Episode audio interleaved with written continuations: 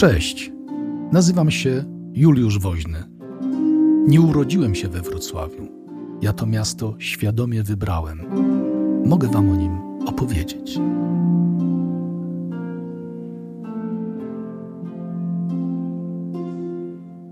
Otruty przez własnego medyka. Był księciem, świetnym politykiem, wybitnym mecenasem sztuki. Zwyciężał w turniejach rycerskich. Był poetą i minezingerem. E, ale zaraz, zaraz, kto to taki jest ten minezinger? Otóż minezingerami nazywano w średniowieczu niemieckich arystokratów, którzy tworzyli i osobiście wykonywali pieśni miłosne.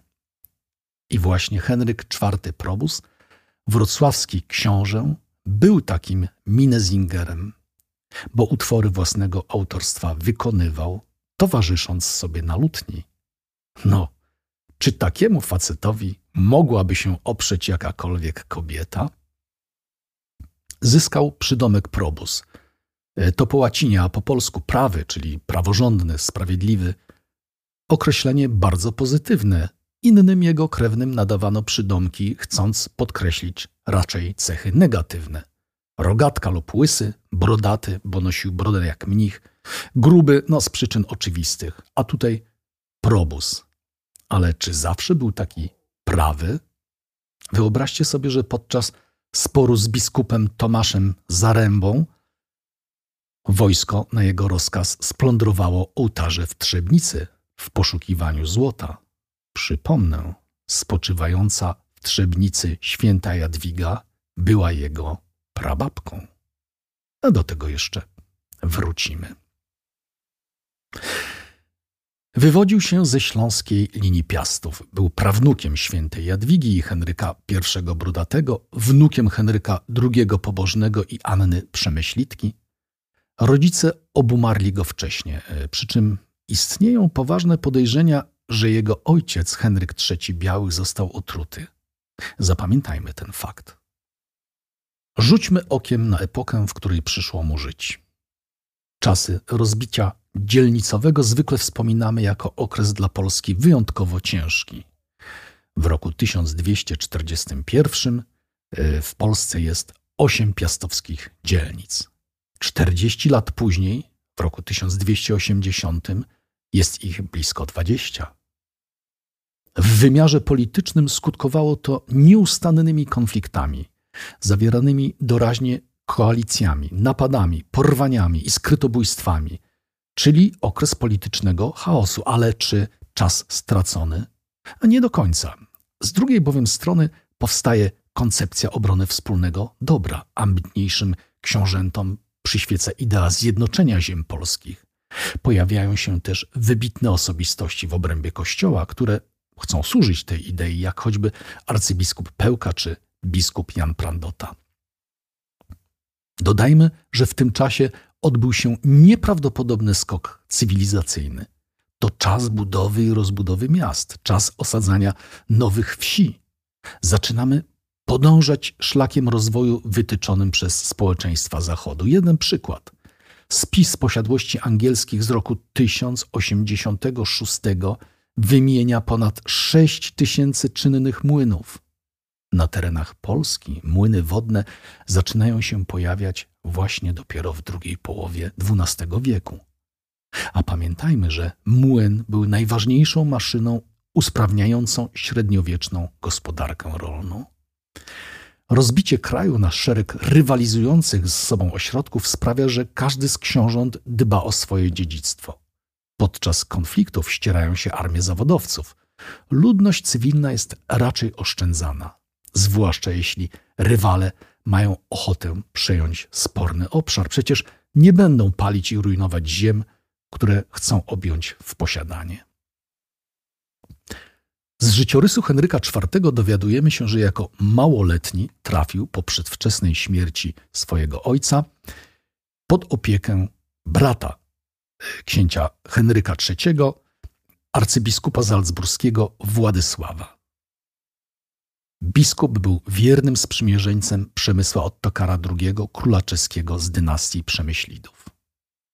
Jako regent będący w nieustannych podróżach między Salzburgiem a Wrocławiem i Pragą, nie miał głowy do opieki nad smykiem, którego powierzył czeskiemu królowi Przemysłowi Ottokarowi. I to na jego dwór trafił dziesięcioletni Henio. Najpierw do Wiednia, potem do Pragi. Przemysł bardzo dbał o bliskie relacje ze Śląskiem. To dzięki jego wsparciu arcybiskup Salzburga był w stanie ukończyć proces kanonizacyjny świętej Jadwigi. E, ona była babką arcybiskupa Władysława. Przemysł pragnął być świeckim patronem Polaków. Henryk IV dorastał zatem na dworze, na którym snuło się ambitne plany i przeprowadzało skomplikowane akcje polityczne, mające zapewnić Przemysłowi koronę cesarską. Przy okazji oczywiście nasiąkał kulturą rycerską, zyskał znakomite wykształcenie, był świetnie przygotowany, by brać czynny udział w wielkiej grze o władzę w Europie Środkowej. Nie jako e, pierwszorzędny aktor, ale jako aktywny i liczący się uczestnik. Wspaniały praski dwór musiał robić ogromne wrażenie na chłopcu przybyłym z prowincjonalnego jednak Wrocławia. Imponujące budowle na Hradczanach, rycerskie obyczaje, turnieje, uczty z udziałem najlepszych poetów wykonujących utwory na e, cześć pięknych dam i wielkie czyny bohaterów. Towarzystwo było zaangażowane w tak zwaną dworską miłość. Młody Henio chłonął tę atmosferę jak gąbka. Wytworni panowie i piękne damy, e, aby wyrazić swe uczucia, używali języka średnio-górno-niemieckiego. Ta moda była zbliżona do tej późniejszej, kiedy europejskie dwory paplały po francusku. W każdym razie młody Henryk sam chwycił za lutnię i z powodzeniem próbował swoich sił w układaniu utworów sławiących przymioty pięknych dam, oczywiście posługiwał się modnym językiem średnio-górno-niemieckim. Zanim w roku 1270 książę po śmierci stryja powrócił na Śląsk, zobowiązał się, że wszystkie ważne decyzje będzie podejmował w konsultacji z królem czeskim. Przyjął pas rycerski z rąk czeskiego władcy, a swój dwór i orszak kazał odziać w barwy praskiego króla. Czeski patronat zabezpieczał młodego księcia przed zakusami ze strony stryjów, którzy ostrzyli sobie zęby na jego włości. Niestety pozycja Przemysła Ottokara II zaczęła słabnąć. O tym za chwilę. W każdym razie skorzystał z tego Bolesław Rogatka, stryj Henryka. Rogatka, ten przydomek nie jest chwalebny, według Długosza w mowie polskiej oznacza człowieka zuchwałego i jakby bodącego rogami. W każdym razie stryjaszek porwał młodego Henia z jego dworu Wielczu i uwięził we Wleniu. E, to była stała praktyka e, książąt śląskich. Protest słabnącego politycznie przemysła czeskiego nie zrobił na rogatce większego wrażenia. Młody książę został uwolniony po kilku miesiącach pobytu u gościnnego stryja na więziennym Wikcie i po zrzeczeniu się szóstej części swoich ziem razem ze Strzegomiem i bogatą środą. To były wówczas normalne techniki negocjacji politycznych. Sam Henryk w późniejszych czasach także je stosował. Najpewniej w krótkim czasie ambitny młodzieniec zapragnął samodzielności, a kuratela czeskiego władcy stawała się dla niego uciążliwa. Ale tu zróbmy krótką przerwę na chwilę zadumy nad losami Europy Środkowej i zabawę w co by było gdyby. Pewnym momencie przemysł Ottokar II opanował tyle ziem i osiągnął taką pozycję, że postanowił sięgnąć po najwyższy tron tron króla Niemiec. I tu paradoksalnie na przeszkodzie stanęła jego własna potęga. Niemieccy elektorzy obawiali się zbyt silnego władcy. Wybrali, uwaga, uwaga, Rudolfa z Habsburga który wydawał im się dużo słabszym prowincjonalnym kandydatem z Habsburga, brzmi znajomo. Tak zaczyna się oszałamiająca, największa kariera dynastyczna w dziejach Europy, właśnie kariera dynastii Habsburgów. Szybko doszło do konfliktu między Rudolfem a Ottokarem. Rudolf szybko udowadnia, że nie jest malowanym królem. Zawiera sojusz, uwaga, uwaga, z Henrykiem pochodzącym wówczas z mało znanej rodziny Hohenzollernów. I to właśnie Hohenzollernem posługuje się Habsburg, aby wzmocnić swoje wpływy na Śląsku. Hohenzollern żeni się z drugą żoną Henryka III, macochą Henryka Probusa, ale co jest ważniejsze, jest to siostra księcia saskiego Albrechta II z dynastii askańskiej. Z tego samego rodu pochodzili władcy ksiąstewka Anhalt-Zerbst, z której to linii w XVIII wieku wyjdzie nie kto inny, a Zofia Fryderyka Augusta, tak, tak, późniejsza Katarzyna II imperatorowa Wszechrusi. A zatem moment w dziejach Europy kluczowy. Tymczasem nieustannie zbliża się decydujące starcie między Przemysłem Ottokarem II a Rudolfem Habsburgiem.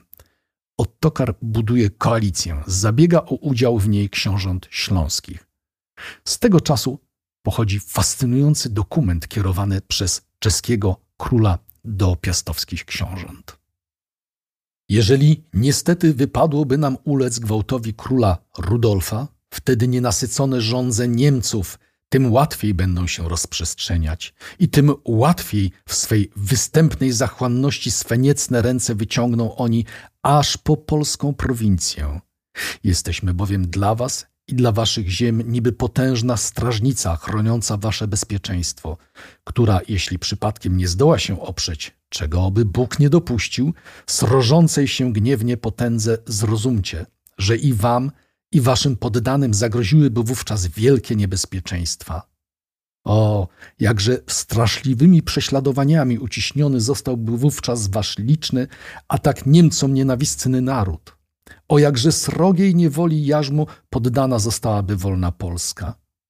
O jakżeby ta klęska roztrzaskała spoistość waszego narodu. Nieprawdopodobne. To jest XIII wiek, a książę, a król, król Przemysł Ottokar II używa takich słów. Niestety, 26 sierpnia 1278 roku dochodzi do bitwy pod Suchymi Krutami, którą strona czeska przegrała. Przemysł nie przeżył tego starcia. Pomyślmy jednak przez chwilę. XIII wiek. Na europejską scenę polityczną wkraczają dwa rody o złowieszczych dla nas Polaków nazwiskach. A gdyby tak Fryderyk Hohenzollern nie zdołał poślubić wymarzonej Heleny z rodu Askańczyków, to przecież z tego małżeństwa wyjdzie linia, która w roku 1415 otrzyma tytuł dziedziczenia margrabów elektorów brandenburskich. Miną kolejne pokolenia i król Fryderyk II dokona rozbioru Polski, tworząc z Prus potęgę europejską. Gdyby Rudolf Habsburg przegrał bitwę pod suchymi krutami, te dwie dynastie nie miałyby wpływu na dzieje Europy przez następne 640 lat. Rozmarzyłem się. Młody Henryk IV zaraz po bitwie, e, aha, wspomniałem o tym, że nie brał w niej udziału, próbuje wystąpić w roli opiekuna prawnego Wacława II, małoletniego syna Ottokara. Bez powodzenia jednak potrafi z całej sytuacji wyciągnąć korzyści polityczne i do Rudolfa i od Rudolfa Habsburga, przepraszam, uzyskuje bogatą ziemię kłodzką. Ma zaledwie 21 lat, a bez kompleksów wchodzi w grę polityczną na europejskim poziomie. Przydał się pobyt na dworze Przemysła Ottokara II i szkołę dyplomacji, którą wtedy tam odebrał. Młody książę Henryk w tym czasie dąży do wzmocnienia swojej pozycji. Zawiera układ z księciem opolskim Władysławem I. E, jak to było wtedy w zwyczaju, bierze za żonę córkę opolskiego księcia. Dziewczę miało na imię Estera albo Konstancja. W każdym razie w układzie małżeńskim zaznaczono, że na wypadek starań o koronę królewską książę opolski przyjdzie Henrykowi z pomocą i uzna w nim króla. Część historyków podważa ten fakt, to znaczy zawarcie małżeństwa z księżniczką opolską. Myślę jednak, że książę był dwukrotnie żonaty. Trudno uwierzyć, żeby młody władca Śląska, snujący plany dynastyczne, nie postawił tak ważnego kroku w kierunku stworzenia dynastii, jak zawarcie małżeństwa. Rzecz w tym, że kilka lat po ślubie książę o przydomku prawy odesłał żonę do rodzinnego Opola, a sam, łamiąc prawo kościelne, ożenił się z Matyldą, córką margrabiego brandenburskiego Ottona V II. Czy tak było naprawdę? Historycy do dzisiaj łamią sobie głowy. W każdym razie młodzi znali się jeszcze z dworu praskiego, ale mm, wtedy Matylda była jeszcze dzieckiem. Tymczasem wyrosła na piękną pannę i Henryk zakochał się w niej bez pamięci. Ponoć to na jej cześć układał pieśni, w których stwierdzał, iż ciało jego pani jest skrzynią rozkoszy wszelakich pełną. Czyż nie urocze? Dla niej staczał pojedynki w turniejach rycerskich, a gdy zwyciężał, Matylda zakładała mu na skronie wieńce z róż. Było pięknie. Książę nie zaniedbywał aktywności politycznej. Najpierw dążył do supremacji na Śląsku i mimo, że taki prawy, zwołał zjazd krewniaków, podczas którego mieli rzekomo unormować wzajemne relacje, a w rzeczywistości uwięził zgromadzonych książąt Henryka III Głogowczyka, Henryka V Brzuchatego i Przemysła II Wielkopolskiego. Wymusił na nich pewne ustępstwa, niestety zyskał śmiertelnych wrogów, którzy po odzyskaniu niepodległości raczej nie sprzyjali dalekosiężnym planom wrocławskiego księcia. A te plany miał ambitne. Postanowił sięgnąć po koronę królewską. Chyba niepotrzebnie wdał się wtedy w konflikt z biskupem wrocławskim Tomaszem II Zarębą. Książę żądał zwrotu majątków zajętych przez Kościół po klęsce legnickiej. Biskupa oburzał fakt łamania immunitetu sądowego Kościoła we Wrocławiu. To wtedy doszło do wspomnianych już przeze mnie profanacji w kościele w Trzebnicy. Gdy książę zaczął przemocą odbierać zbrojne wsie, biskup rzucił na niego klątwę. Klątwa została zatwierdzona przez papieża. Czym była klątwa? To nie były przelewki. Dla pobożnych ludzi w średniowieczu była straszliwą karą. Na ziemiach objętych interdyktem księża przestawali odprawiać publiczne msze, przestawali chrzcić dzieci i przestawali uczestniczyć w pogrzebach. Tymczasem w środowisku wrocławskich duchownych pojawiła się antybiskupia rewolta. Franciszkanie zbuntowali się przeciwko decyzji biskupa i nadal odprawiali nabożeństwa oraz udzielali sakramentów. Natomiast dominikanie pozostali lojalni wobec biskupa, co więcej, pokryjomo utrzymywali z nim łączność. Pewnego razu do klasztoru dotarła kobieta wysłana przez biskupa Tomasza. Henryk kazał ją aresztować i spalić. Oświadczył, że niewiasta uprawiała nierząd z mnichami, choć ci twierdzili, że to niemożliwe, bo stara była i szpetna. Los biskupiej emisariuszki stawia po raz kolejny pytanie o prawość księcia Probusa. Henryk złośliwie zorganizował w Nysie zjazd książąt, podczas którego, a jakże, odbył się turniej rycerski. Przypominam, Nysa stanowiła własność biskupów wrocławskich, a przy okazji cały zapas zboża, które biskup posiadał na przedmieściach, zużytkowano na paszę dla koni. Ot taka drobna złośliwość. E, na tym jednak Henryk nie poprzestał. Biskup schronił się w zamku w Raciborzu, a zawzięty książę przystąpił do oblężenia. W końcu biskup ugiął się przed księciem. Ale zrobił to w wielkim stylu. Opuścił bramy Raciborza w stroju pontyfikalnym, na czele procesji złożonej z duchowieństwa, podążył do obozu i ukląkł przed księciem, uznając swoją klęskę. I tu trzeba przyznać, że książę potrafił zachować się jak polityk wielkiego formatu. On także ukląkł przed biskupem. Pojednali się. Biskup cofnął klątwę, książę darował mu większość spornych wsi. I teraz wyobraźcie sobie takie zakończenie konfliktu w dzisiejszych czasach. Wrogowie sobie wybaczają i zaczynają ze sobą szczerze współpracować. Niezbyt to możliwe. A w ciemnym średniowieczu jak najbardziej. Pamiątką po tym wydarzeniu jest Kościół Świętego Krzyża, ufundowany przez Henryka Probusa tuż przy bramie nieistniejącego już niestety Zamku Piastowskiego na Ostrowie Tumskim. I tak sporowi księcia z biskupem zawdzięczamy powstanie najpiękniejszego gotyckiego kościoła we Wrocławiu. Kolegiata Świętego Krzyża jest dziełem wybitnym. Autorem projektu był nadworny architekt książęcy mistrz Wilandus. Z budową wiąże się legenda wyjaśniająca, dlaczego świątynia ma dwa poziomy. Otóż fundator zamierzał wznieść kościół świętego Bartłomieja. Gdy jednak robotnicy zaczęli wykopy pod fundament, natrafili na korzeń do złudzenia przypominający krzyż oraz stojące pod nim postacie, najwyraźniej Matki Boskiej i świętego Jana Ewangelisty. Można w to wierzyć lub nie, ale w Muzeum Archidiecezjalnym ten korzeń można zobaczyć w pięknej złotniczej oprawie. W kościele odnajdziemy dwa wizerunki księcia. Na tym panonie fundacyjnym klęczy wraz z małżonką przed Bogiem Ojcem podtrzymującym krzyż z postacią Chrystusa. W kompozycji pojawia się też gołębica Ducha Świętego. Taki wizerunek Trójcy Świętej zwiemy tronem łaski. Drugi portret księcia możemy podziwiać w zakrystii, na zworniku sklepienia. Znakomity pod względem artystycznym, z bardzo dobrze zachowaną polichromią, i tu nie ma wątpliwości, książę był przystojnym facetem. W kościele Świętego Krzyża był jeszcze jeden wizerunek księcia całopostaciowa rzeźba na sarkofagu, bo ostatecznie Kościół Świętego Krzyża stał się kościołem grobowym Henryka IV Probusa. Jak to się stało, że młody, zaledwie 33-letni mężczyzna, pełen energii i planów, niespodziewanie zmarł?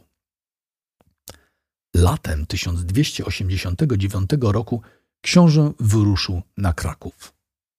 Wyobraźmy sobie 3,5 tysięczną armię, 1200 wozów transportowych i dodatkowo 100 pojazdów, na których wieziono machiny oblężnicze. To daje pod rozwagę tym, którym wydaje się, że średniowieczna sztuka wojenna to starcia niewielkich oddziałów konnicy i pieszych. To były poważne i kosztowne przedsięwzięcia logistyczne. Oblężenie zostało dobrze przygotowane i przeprowadzone. Kraków został zdobyty. Kto go bronił? Tutaj przypomina mi się Tyrion Lannister z gry o tron. Z tym, że tamten miał zaledwie 135 cm wzrostu. Władysław Łokietek, który bronił wówczas Krakowa, miał dokładnie 2,5 średniowiecznego łokcia. Łokieć miał 60 cm. Więc przyszły król Polski, Władysław Łokietek, mierzył około 150 centymetrów. Kraków został zdobyty przez Henryka, ale Łokietek przy pomocy tamtejszych franciszkanów zdołał w ostatniej chwili opuścić miasto. Podobno później, podczas modlitwy u grobu świętego Stanisława, Henryk IV Probus miał wizję, że przywdziewa polską koronę. Zresztą nieco wcześniej oglądał insygnia w katedralnym skarbcu. Każdy w ówczesnej Polsce znał przepowiednię, że pojawi się władca, który zjednoczy polskie królestwo. Tak jak szczątki biskupa poćwiartowane przez Bolesława Śmiałego miały się w cudowny sposób zrosnąć. Henryk triumfował, oto zdobył królewskie miasto. Plan jego pradziadka Henryka Brodatego i jego dziada Henryka Pobożnego miał się wreszcie ziścić. Piast z Wrocławia zasiądzie na polskim tronie. Jedność była wówczas powszechnym pragnieniem. Niestety, kandydatów do jednoczenia było aż nadto. Książę rozpoczął energiczne działania. Po pierwsze, doprowadził do zdjęcia klątwy papieskiej, to był skutek tego sporu z biskupem. Po drugie, wszczął starania o przyznanie mu praw do korony. Korona miała kosztować 10 tysięcy grzywien złota wpłaconych bezpośrednio do papieskiego skarbca oraz 2 tysiące dla kardynałów. Książę dzięki łupom, między innymi tym z Krakowa, mógł sobie bez problemu na gigantyczny wydatek pozwolić. Niestety jego reprezentant na dworze papieskim zagarnął część złota, dając w zamian fałszywe monety. Sprawa się wydała papież uznał wrocławskiego księcia za oszusta. Nieuczciwy poseł uciekł z Rzymu. Zanim fatalne nowiny dotarły z Włoch do Wrocławia, oszust kupił w Wenecji truciznę i przesłał swemu bratu. A brat był jednym z medyków na drodze księcia Probusa. Mimo wysiłków drugiego z lekarzy, Guncelina, Henryk zmarł 23 czerwca 1290 roku, otruty przez własnego medyka. Otruty, podobnie jak jego ojciec. Na łożu śmierci w imię chrześcijańskiego miłosierdzia nakazał nie ścigać sprawców swojego zgonu, ani ich nie karać. A znowu to ciemne średniowiecze. Sarkofag księcia jest jednym z najwybitniejszych rzeźbionych nagrobków polskiego średniowiecza. Powstał między 1300 a 1320 rokiem. Wykonany jest z piaskowca i mikrytu, pokryty farbami temperowymi, miejscami był złocony. Pierwotnie znajdował się w prezbiterium kościoła Świętego Krzyża. Obecnie można go podziwiać w Muzeum Narodowym. Probus jest na nim ukazany jako żywy, tak jak zjawi się na sądzie ostatecznym w majestacie swojej doczesnej władzy, w rycerskiej zbroi, z mieczem i tarczą, w płaszczu książęcym, z mitrą na głowie. Na tarczy księcia widnieje czarny orzeł piastów śląskich z charakterystyczną przepaską na piersiach. To godło powtórzono na mniejszej tarczy po lewej stronie głowy księcia. I tu ciekawe, po prawej stronie głowy symbol politycznych, niezrealizowanych planów Probusa. Biały orzeł na czerwonej tarczy. Z jednej strony książę stoi dumnie wyprostowany, prezentując najwyższemu sędziemu swoje zasługi, z drugiej strony leży, bo pod jego głową widać poduszkę. Mamy tu zatem do czynienia nie tylko ze sceną przyszłego sądu, ale także ze sceną pogrzebu. W narożach tumby pojawiają się aniołowie zgodnie z dawną chrześcijańską antyfoną, a duszę Twoją poniosą aniołowie do nieba. Po bokach tumby widać także orszak pogrzebowy, widać zrozpaczoną Matyldę podtrzymywaną przez dwórki. Jej szczęśliwe małżeństwo trwało zaledwie dwa lata. Uroczystościom żałobnym przewodniczy biskup Tomasz II, niegdyś adwersarz, a potem sojusznik księcia. Matylda powróciła do rodzinnej Brandenburgii. Nie wyszła ponownie za mąż. Zmarła w roku 1298. Paradoksalne, ale to nie jest koniec tej historii. Po dojściu do władzy Hitlera niemieccy uczeni uznali, że tak wybitni władcy jak Henryk Probus, jak Henryk Pobożny nie mogli być Słowianami musieli należeć do rasy panów. Postanowili to udowodnić, badając szkielety obu książąt. I tu dochodzimy do ponurej groteski, bo o ile czaszka Probusa spoczywała w jego sarkofagu, o tyle Henryka Pobożnego pochowano bez głowy. Ją odcięli i zabrali Mongołowie po fatalnej bitwie pod Legnicą. Kości przeniesiono do Instytutu Antropologii, potem ponoć wywieziono do Berlina w każdym razie ślad po doczesnych szczątkach śląskich książąt zaginął. Sarkofagi, które dziś stoją w Muzeum Narodowym, są puste.